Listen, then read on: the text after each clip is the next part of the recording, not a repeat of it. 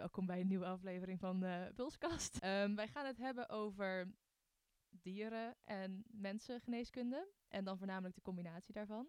Ik, alles wat ik vertel, even de disclaimer. Ik heb het gegoogeld, maar ik heb er niet echt bronnen bij gezet of zo. Maar ik ga ervan uit dat Google de waarheid heeft gesproken in de, meer, in de meerdere, meerdere kanten. Ehm, behalve dan dat boek wat ik gelezen had, maar daar staan de dierenfeitjes niet in. Maar koala's. Zijn ze dus samen met ons ehm, dieren die vingerafdrukken hebben. Echt? Die individueel zijn per koala. En daarmee, ja, ze komen dus voornamelijk voor in Australië, dus dat is de enige plek. Kunnen zij dus op moordscènes of crime of weet ik veel inbraken, laten zij dus hun vingerafdrukken achter. Wat het dus heel moeilijk maakt om de dader te vinden. Dus als jij de perfecte moord wil plegen, Huur een koala. huur een koala, doe zelf handschoentjes aan, laat hem even rondbaggeren op je moordscène en ga weer naar huis.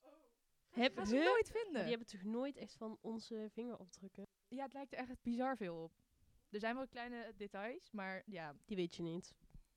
hoe moet ik nou een fucking vingerafdruk gaan Maar uitleggen? Als je bijvoorbeeld dus in Nederland een koala laat, laat rondbanjeren op je crime scene. Koala's komen hier niet voor. Dus wie gaat er bedenken, hmm, misschien zijn het de vingerafdrukken van een koala. Dan ga jij naar de dierentuin, jat je er één. ik leen hem even voor, ik breng hem vanavond weer terug. Maar is het anders voorgekomen dat, dat, het, dat een koala is omgewisseld zeg maar, voor een mens? Of hoe zijn ze erachter gekomen? Nou ja, het maakt het gewoon moeilijker, want je hebt gewoon vingerafdrukken op je moordscène die je niet ja, kan, kunt koppelen aan iemand. Dus dan kan je zeggen van, oh, de dader kan misschien die vingerafdrukken hebben, maar die vind je dan nooit, want het is een koala. Zouden ze het misschien een keer op zo'n, op zo'n videocamera hebben gezien in een huis of zo. En dat ze dan dachten, ah, dus daar komen die vingerafdrukken vandaan. Weet je wat ik ook wel eens heb gezien? Nou, dat was op tv dan. Maar dan was er een man die had zeg maar zijn vingertoppen eraf gesneden. Dus daar waar jij je vingerafdrukken vandaan haalt, zeg maar.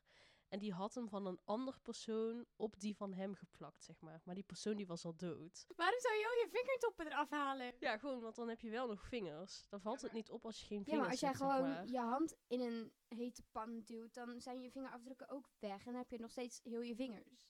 Zijn je vingerafdrukken dan weg? Ja, omdat je dat dan dat verbrandt. En dan.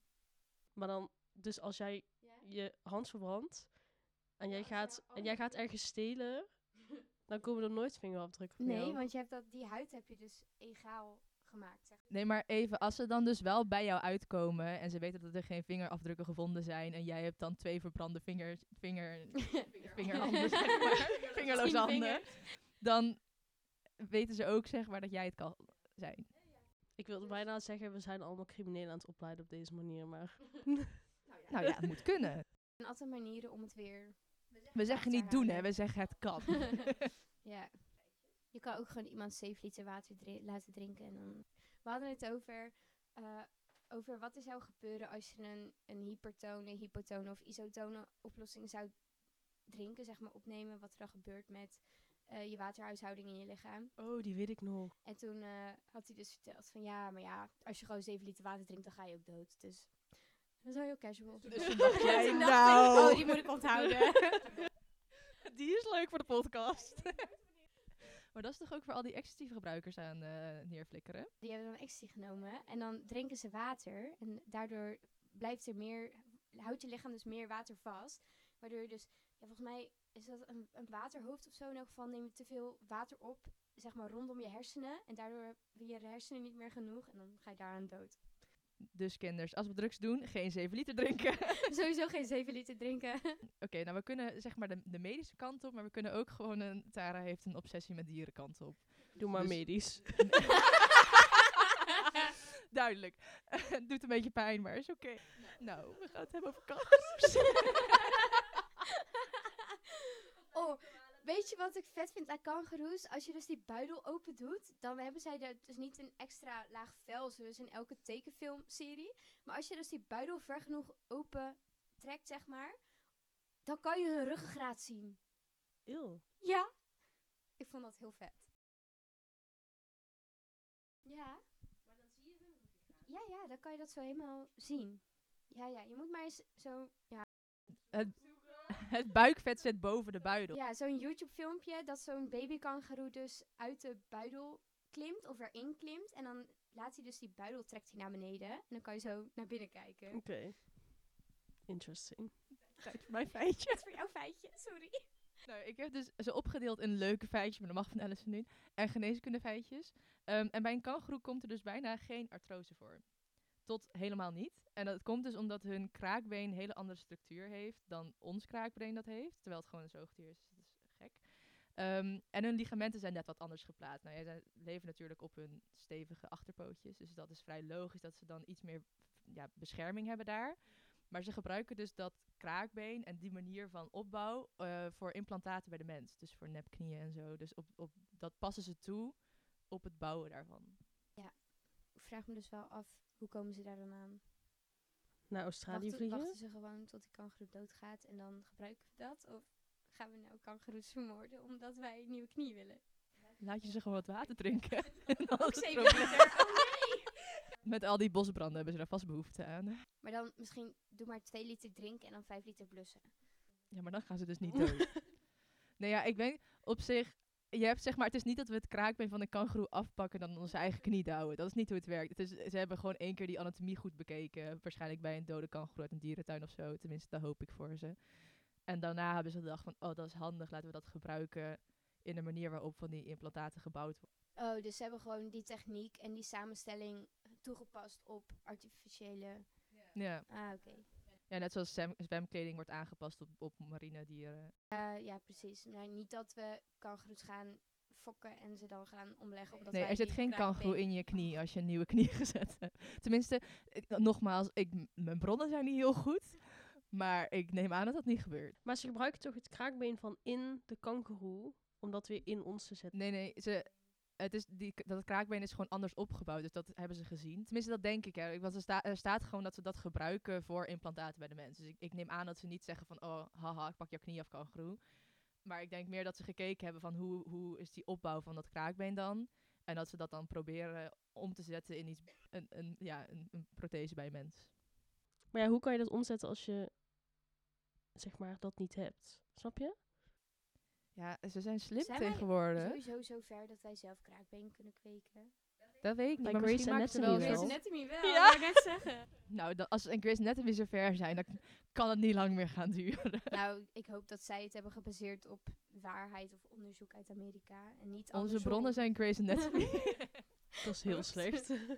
Oké, nou, ehm, hebben jullie ook dat jullie wel eens naar buiten kijken, een specht zien en denken, waarom heb jij geen hoofdpijn? Eerlijk, ik heb dat wel eens gedacht. Mijn brein is zeg maar, als ik aan het leren ben en ik kijk naar buiten en ik zie dingetjes, dan, dan zijn dat, dat mijn vragen. Dus ehm, de bioloog in mij, ik ben geen bioloog, heeft dat even eh, ook gegoogeld. nou, er zijn dus meerdere punten in de anatomie van een, van een specht, waardoor zij dat kunnen handelen. Ik ga de leukste opnoemen. Ehm, nou ja, zij tikken dus met een snavel in een boom om eh, dan een gat... Alice luistert niet naar mijn leuke feitje. Ik moest opzoeken wat een specht was. Weet je wat ik ook heb opgeschreven? Mijn eerste zin. De specht is een vogel die de meeste mensen wel kennen. Punt. De dierenwereld is echt niet mijn place to be. Just so you know. Nou, ik wou wel gaan uitleggen waar de specht het meest bekend om staat voor de sukkels die dat niet wisten. Maar gelukkig zit er één aan tafel. Ik dacht ook gewoon, oh, ik mag mijn feitje doen, dus ze gaat gewoon even op WhatsApp. Maar ze gaat gewoon oprecht googelen wat een specht is. Zij ging zo typen en ik dacht dat ze ging typen waarom een specht geen hoofdpijn krijgt. Maar dit kind tikt gewoon in specht. En dan de foto en dan zit ze, oh ja, dat is een specht. Nee, maar de eerste foto die ik zag was van, zeg maar, die vogel. En die had echt zijn hoofd naar achter. Dus ik dacht, oh, waarom is dat daarom? Waarom hij geen hoofdpijn zou hebben? En toen ging ik naar de images en toen zag ik zo een vogel tegen een boom slaan. Een specht is een vogel, ik hoop dat we zo ver waren, ehm, die met zijn snavel vaak tegen een boom aantikt om daar een gat in te maken, om dan op zoek te kunnen gaan naar bijvoorbeeld ja, eh, diertjesvoeding. Ja, ik denk dus de sap van de boom. Waarom weet jullie dit allemaal? Interessant. Kijk, David Attenborough. Daar ga ik zo goed op. Ik ga het huilen als die man doodgaat. Ja, nou, dat mag niet. Hij is een schildpad, hij gaat voor eeuwig.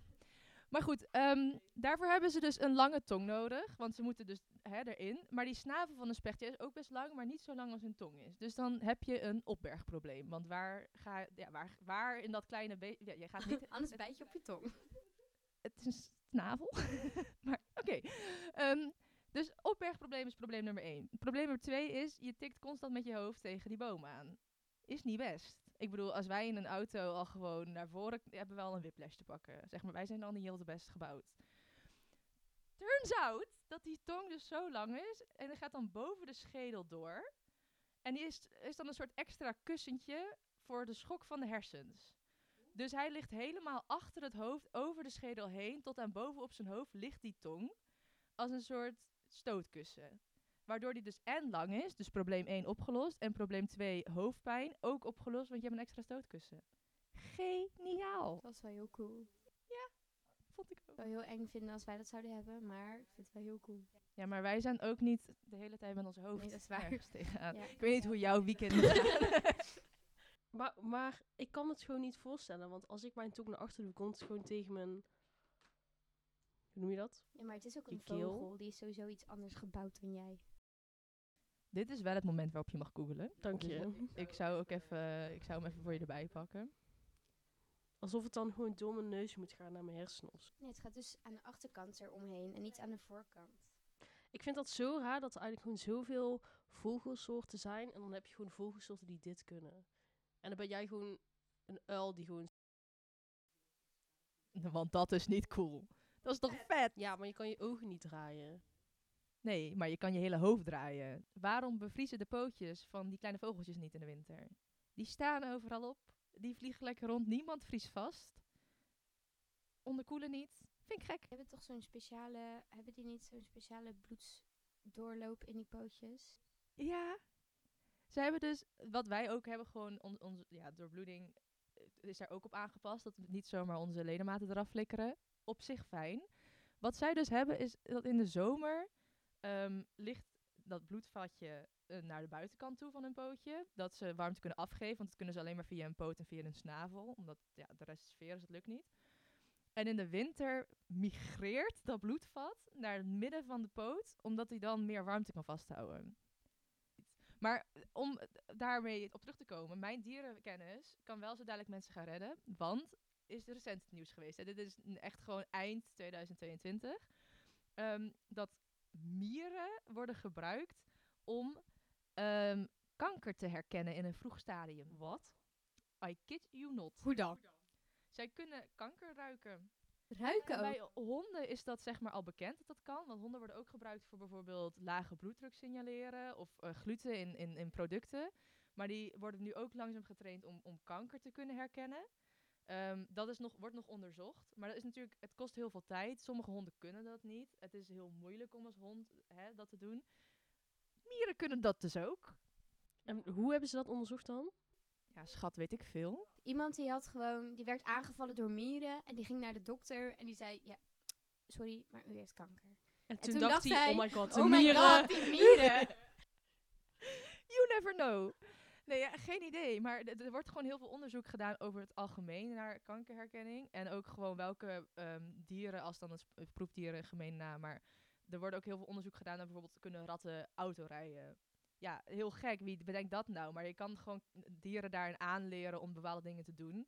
En daarin gebruik maken voor, eh, ja, ge- gebruik voor de mens eruit halen. Dus ik denk dat iemand gewoon die mieren is gaan onderzoeken van hoe communiceren ze of hoe komen zij terug naar hun, hun nest. Achter zijn gekomen dat geur heel goed gaat. En dat ze dan bijvoorbeeld zijn gekeken, oh, nou wat kunnen ze dan nog meer? Weet je wat wel is? Mieren, die helpen de schimmels met groeien, ook door geur. Want zij reageren dus op de geur van de schimmel.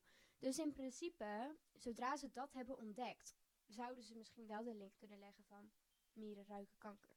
Als in niet per se gelijk, wow, misschien ruiken ze kanker. maar er zullen wel wat stappen tussen hebben gezeten. Maar naar aanleiding van dat zij dus reageren op de geur die schimmel uitscheidt. En zij gaan dus eten brengen naar de schimmel toe. Kunnen zij dus wel, heb je wel al een eerste stapje richting, hey, misschien kunnen ze nog meer. Dus je moet oppassen als er een mier op je zit. Dat is een red flag. Nou ja, ik denk niet dat hij dan naar je huisarts gaat met een briefje met, nou ik denk Ik denk wel dat je speciale getrainde mieren daarvoor nodig hebt. Ik weet niet hoe je een mier moet trainen, maar ik denk wel dat ze specifiek ergens geboren moeten zijn en dan bloot moeten gesteld worden aan of zo. Dat we dat niet als een hobby hebben opgepikt ergens in het bos. En dan gaan ze later als diagnostisch onderzoek, dan krijg je die klachten van kanker. En dan, ja, ga maar even hier eh, liggen. En dan komt hij zo met zijn doos met mieren. Ja, Die patiënt schrikt zich helemaal dood. Die denkt gelijk, oh, laat maar zitten. Nou ja, het top is, het gaat dus echt over eh, het herkennen van, van een vroege vorm van kanker. Dus het gaat niet over, oh, er zitten al zeven tumor eh, van 8 centimeter ergens. Het gaat echt over kleine, ja, kleine voorstadia van kanker. Spoeliepen of zo. Je dan. Ja, ik, ik, heb, ik heb het eh, onderzoek niet helemaal gelezen. Was super lang. Maar er stond gewoon als, als kop, zeg maar, mieren kunnen dat waarschijnlijk. En we gaan dat verder onderzoeken. En dat is dus echt eruit gekomen. En als dat werkt, dan zou je wel dat soort dingen kunnen toepassen. Of daaraan kunnen werken. Of kijken hoe je dat in de praktijk gaat brengen. Kijk, het komt de komende eh, tientallen jaren waarschijnlijk niet in de praktijk. Maar dat we ermee bezig zijn dat het kan. Vet. Nou, mij niet bellen hoor. Zo'n mier op me. Ja, maar er zijn dus ook honden. Ik heb liever een hond. Ja. Ja, maar um, dat- eh, ik heb een mier ontmoet die kanker kan ruiken. Vind ik wel een, een openingszin die ik kan gaan Hoe je dat zegt, ontmoet. Sta je in de club? Ja, weet je? Hey. Nee, maar stel, jij komt terug van de dokter en je hebt zo... Ja, ik heb wel naar nieuws. Ik heb kanker, maar moet je horen hoe ik ben gediagnosticeerd. ja, ja, maar precies. Denken jullie dat dat geaccepteerd zou worden in de maatschappij? Ja, maar je kan dan zeg maar verder onderzoek gaan doen, hè. Dus het gaat om het punt ehm, waar je bijvoorbeeld als vrouw nu voor ehm, borstkanker naar een- een screening moet gaan komen, een mammografie moet ondergaan. En dan kijken, oh, is het kanker? En dan verder, verder onderzoek. Dat is een, best wel een proces waar heel veel mensen niet naartoe komen, omdat het ook pijnlijk is. Daar zijn en ze ook mee bezig, hè? Ze hebben waarschijnlijk een nieuwe lichtfototherapie of zo, waardoor je dus niet meer... geplet hoeft Ja. te worden. Chill. ja, dus daar zijn ze gewoon mee bezig om dat, om dat te verbeteren. Dat veel mensen zich laten screenen van tevoren. En het is niet dat je zegt van, oh, een mier heeft gezegd dat ik kanker heb, dus nu is het zo. Het is zeg maar een reden om je verder te laten diagnosticeren. Dus om dan vervolgens weer echt naar je huisarts te gaan of naar het ziekenhuis te gaan van, goh, dit is gebeurd en misschien moet ik even een extra scan hebben. Maar dan zullen mieren dus gebruikt worden voor de screening. Dus in plaats van dat jij geplet wordt door een apparaat, gaan er gewoon mieren, weet ik niet, losgelaten worden. En misschien lopen ze naar jou toe. En op basis daarvan wordt dan gezegd, oké, eh, jij hebt meer onderzoek nodig of niet. Dat denk ik. En dan moet je ook nog de sensitiviteit en specificiteit weten. Ja, maar dat moet sowieso meer onderzoek. Maar dat is dus ook waar nu bij honden nog niet gebruikt wordt. Want dat weten ze nog niet, hoe dat in elkaar zit en hoe dat werkt. Maar dat wordt bijvoorbeeld bij die bloeddruk wel al gebruikt bij honden. Omdat het gewoon ja, bij hulphonden heel goed werkt om van tevoren een baasje te waarschuwen van... Goh, het gaat niet goed. Ik vind dat wel heel cool. Ja, nou, dan ga ik, ik, ga door naar de volgende. Want ik heb er echt heel veel... Ik ben nog niet eens op de helft, denk ik. Dus ik moet, we gaan er ook een paar moeten schappen, ben ik bang. Ehm, ja, spijtig, hè. Ja. Maar ehm, ik heb hem over de, eh, de onsterfelijke kwal. Ja, waarvan ik ook wel jullie hoor, dat vinden wij leuk. Ik zie het aan Allison's gezicht. Gaatkwallen. Ehm, ja, ik ook. Maar het is toch cool dat hij niet doodgaat? Maar hij gaat niet dood. ja, dat is nog erger. Dus dan zijn er meer kwallen. Nee, maar luister, je, moet, eh, je wordt misschien blij met, het, met mijn eind, eind. Deze kwal ehm, is dus ja, onsterfelijk. En dat komt dus omdat hij, ehm, ja, hij bestaat uit identieke polypen, zo noemen ze dat. En hij kan zichzelf dus klonen. Dus hij bestaat uit, uit kleine stukjes zichzelf. Ehm, en kan dan ook splitsen in verschillende stukjes kwal. Maar het coole hiervan is, is dat hij dan langzaam geslachtsrijp rijp kan worden. Net zoals wij in onze puberteit gaan en dan zwanger kunnen worden. Ehm, dat kunnen zij dus ook, dus dan worden ze volwassen. Ehm, en dan kunnen ze gewoon hun leven als kwal doorleven. Top. Op dit moment is er nog niks speciaals aan deze kwal. Wel. Ja, maar dat gebeurt vaker, die polypen. Dat is best wel vaak voorkomend in de dierenwinkel. de dierenwinkel zijn dierenwinkel. Dierenwinkel. Maar dat, Ik kan dit niet. maar dat wist ik ook niet. Nou ja, maar dat, eh, dat weten de gemiddelde mensen. Nee. Maar goed, dat is, op dit moment is er niet heel erg veel speciaals aan. Ehm, dus hij kan zichzelf, dat dat kan. Ik vind hem al super speciaal, maar oké. En, maar hij wordt, hij wordt zo cool. Het, wordt, het is echt on, on, onuitdrukbaar. Hij kan dus naar puberteit, wordt hij volwassen en dan leeft hij zijn leven. Stel hij krijgt honger of hij wordt ziek.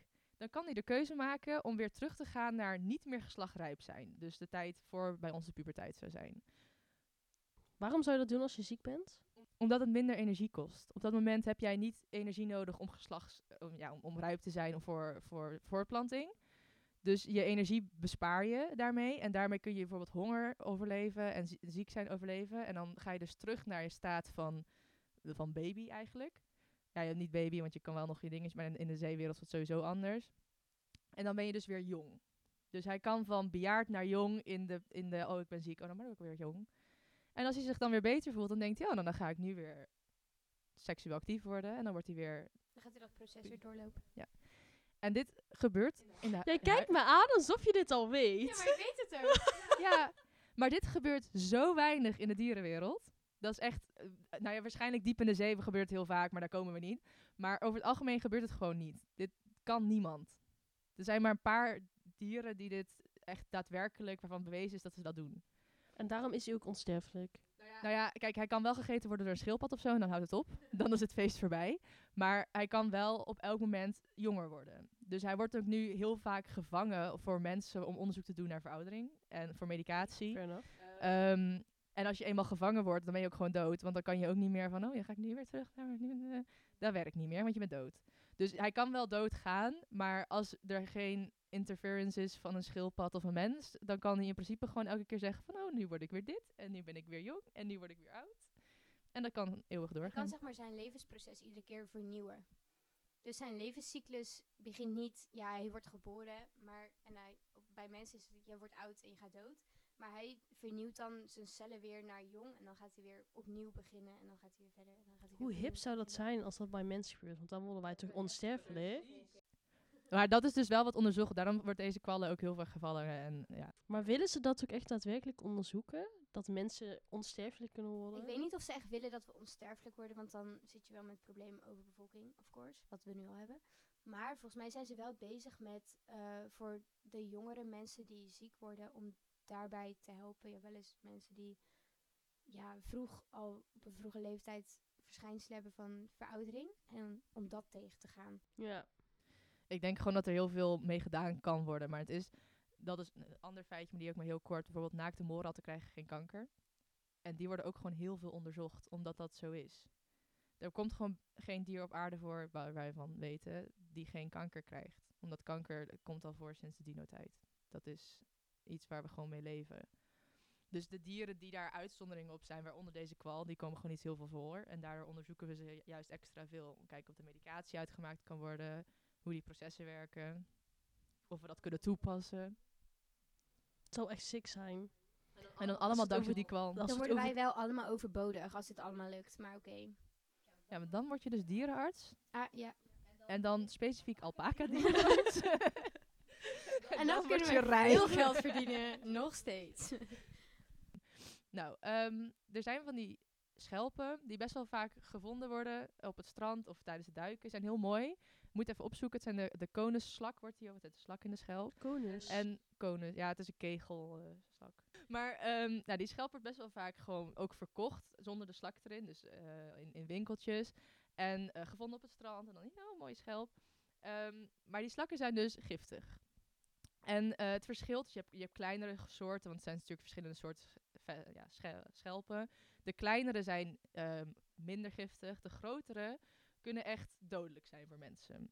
Dus als jij als duiker denkt, oh, een mooie schelp, en je raakt hem aan en je gaat dood, zit het even niet mee. Want dan is het zo'n zo'n giftige, giftige slak.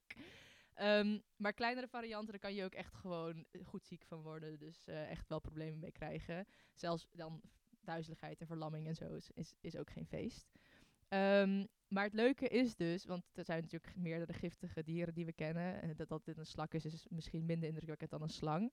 Maar deze hebben dus allemaal verschillende soorten gif. Dus elke specifieke slak heeft zijn eigen gif, waardoor er dus geen tegengif is. Oei. En dan kan er ook geen tegengif gemaakt worden. Want als jij dan door een andere slak gebeten wordt, eh, of aangeraakt, is dat dan meer. Dan ja, heb je niks aan het tegengif van die andere slak. Dus het is gegarandeerd geen pretje.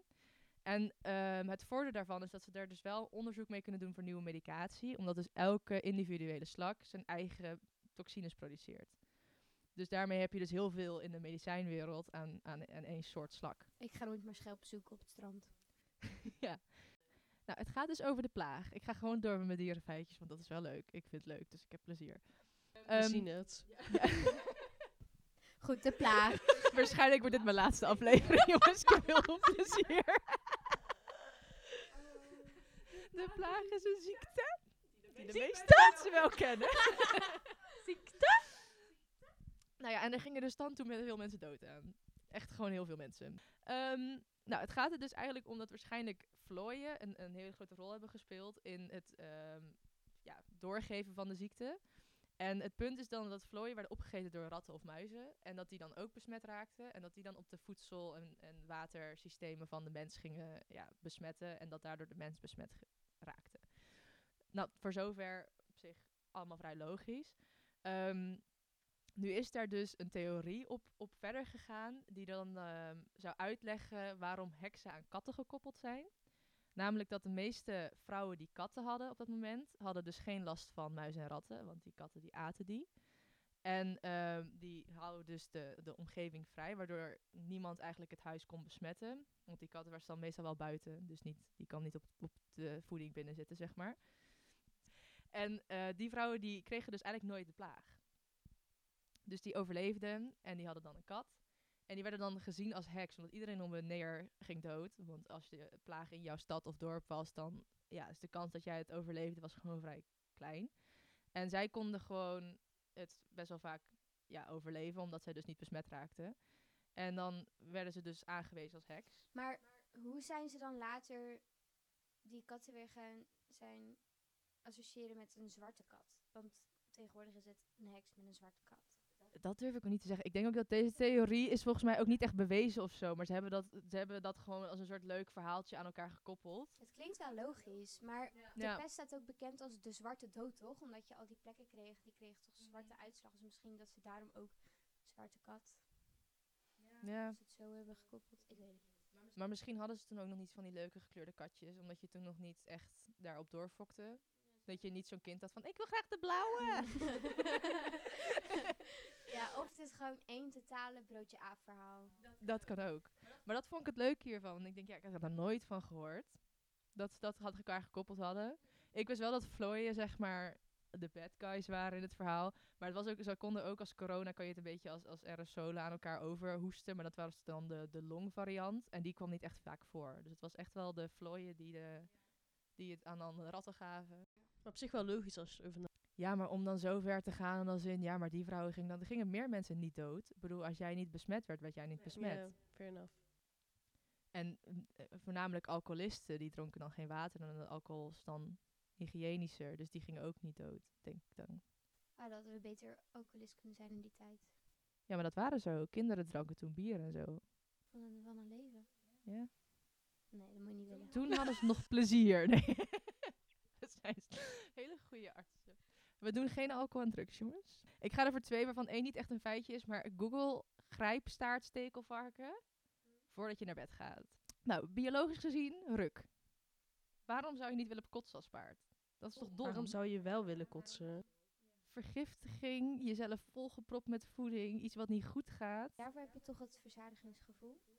Zodat Nee, je maar jezelf niet volpropt? Het, het punt is zeg maar, je Nou, maag kan op een gegeven moment scheuren. En als er ook maar iets misgaat, als jij iets, i- als jij iets inslikt wat giftig is of weet ik veel, dan ga je dat uitkotsen.